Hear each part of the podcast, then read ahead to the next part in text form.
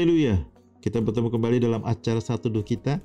Hari ini kita tetap belajar tentang bagaimana berdoa yang manjur, yang mantap, yang ajaib, yang hebat, yang dahsyat. Tentu saja doa yang seperti Tuhan Yesus ajarkanlah doa yang hebat itu ya. Di Matius 6 ada beberapa bagian tentang berdoa dan ada doa Bapa kami, the Lord's Prayer itu kalau doa yang Tuhan uraikan sendiri tidak mungkin nggak powerful. Kita lihat di ayat 9, karena itu berdoalah demikian. Tuhan Yesus ajar kepada murid-murid yang minta diajar bagaimana berdoa yang benar. Karena itu berdoalah demikian, Bapa kami yang di surga, dikuduskanlah namamu. Datanglah kerajaanmu, jadilah kehendakmu di bumi seperti di surga. Baru setelah itu berikanlah kayu makanan ini itu dan anak ya macam-macam permintaan. Jadi pertama-tama Tuhan ajarkan kalau kita berdoa itu Bapa kami yang di surga dikuduskanlah namamu. Artinya apa? Kita harus sadar kita ini berdoa bukan ke gunung, ke tembok, ke siapa kita punya hubungan dan ingat hubungan kita itu seperti anak dan bapak. Uh, luar biasanya. Artinya apa? Kalau anak dan bapak itu pertama itu ada ada status yang jelas. Ya kalau bawahan ke uh, bawahan ke bos ya beda. Kalau anak dengan bapak itu statusnya udah jelas. Ini adalah ahli waris, ya, keturunan, hubungan intim.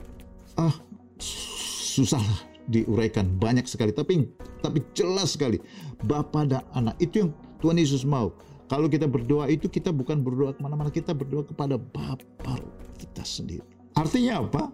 Kalau seorang anak datang kepada apa? Bapaknya, artinya itu hampir pasti dijawab aja doanya. Ya kan? Kecuali kalau mintanya yang aneh-aneh, nggak mungkin ya.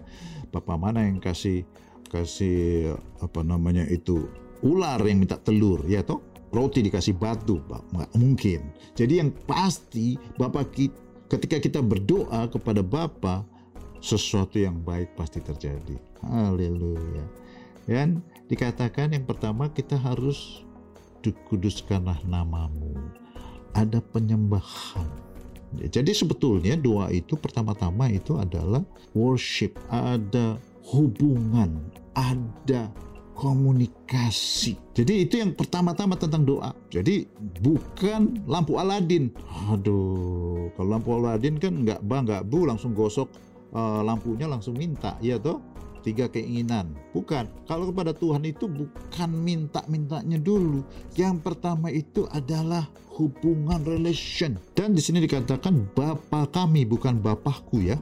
Artinya kita harus mengerti anak-anak Tuhan itu tidak bisa hidup sendiri oleh sebab itu orang Kristen itu powerful. Kenapa powerful? Karena sekarang saya sedang berdoa, tapi orang yang tahu pergumulan saya, teman pelayanan, teman uh, uh, care group, itu juga mendoakan. Jadi ketika kita Bapa kami, artinya saya sedang berdoa Tuhan, tapi keluarga aku, saudaraku juga sedang berdoa juga untuk mendukung aku ini Tuhan. Ya, luar biasa sekali kan? Dan dikuduskan namamu, kita menyembah Tuhan, mendahulukan Tuhan, datanglah kerajaanmu, jadilah kehendakmu di bumi seperti di surga. Artinya apa?